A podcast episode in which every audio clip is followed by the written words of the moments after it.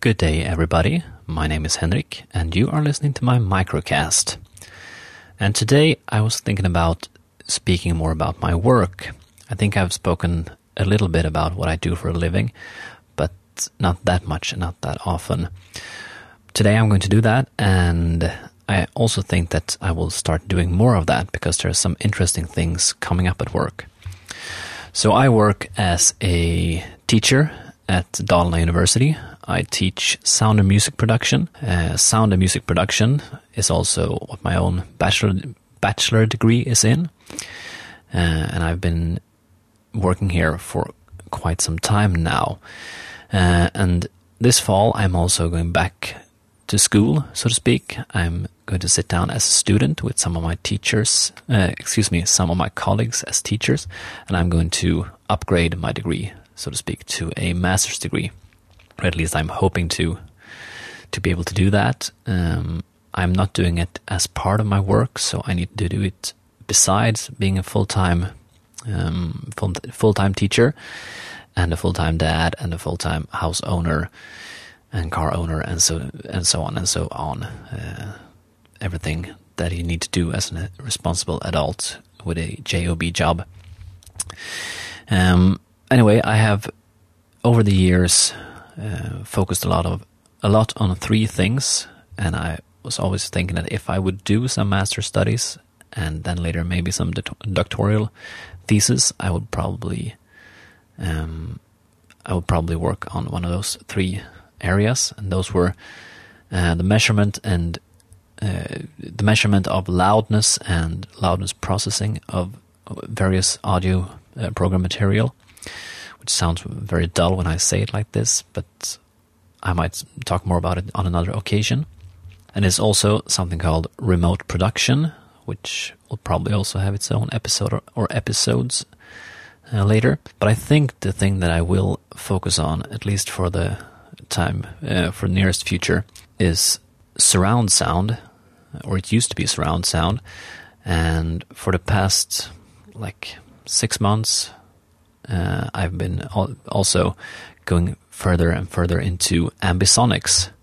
I think I actually recorded an, uh, a microcast almost a year ago where I was starting to think about these things, but I used wrong terminology. I spoke about sound field recordings because we had a microphone from a company called Soundfield, but that was actually an ambisonic microphone.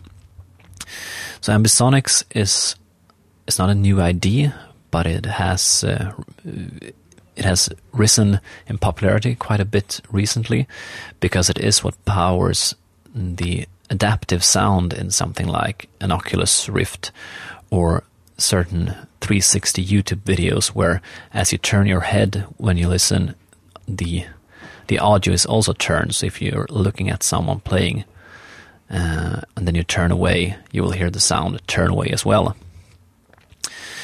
Uh, and earlier this year I got involved in a project here that is both a research project and something that's supposed to become a documentary film or documentary experience in 360 or VR, as is the term that my colleagues use for it.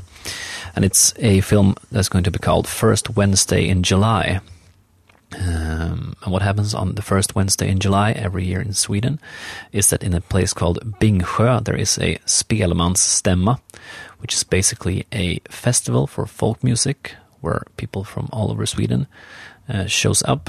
And the difference between the kind of festivals that I usually go to is that everybody brings their own instruments and people obviously play on stage, uh, booked performances, but then also people start jamming everywhere. Um, and that was something that uh, Axel Grigor, who is the director for this, experienced for the first time last year, and he got so impressed and inspired that he wanted to do a documentary about it, and he thought the VR medium was perfect.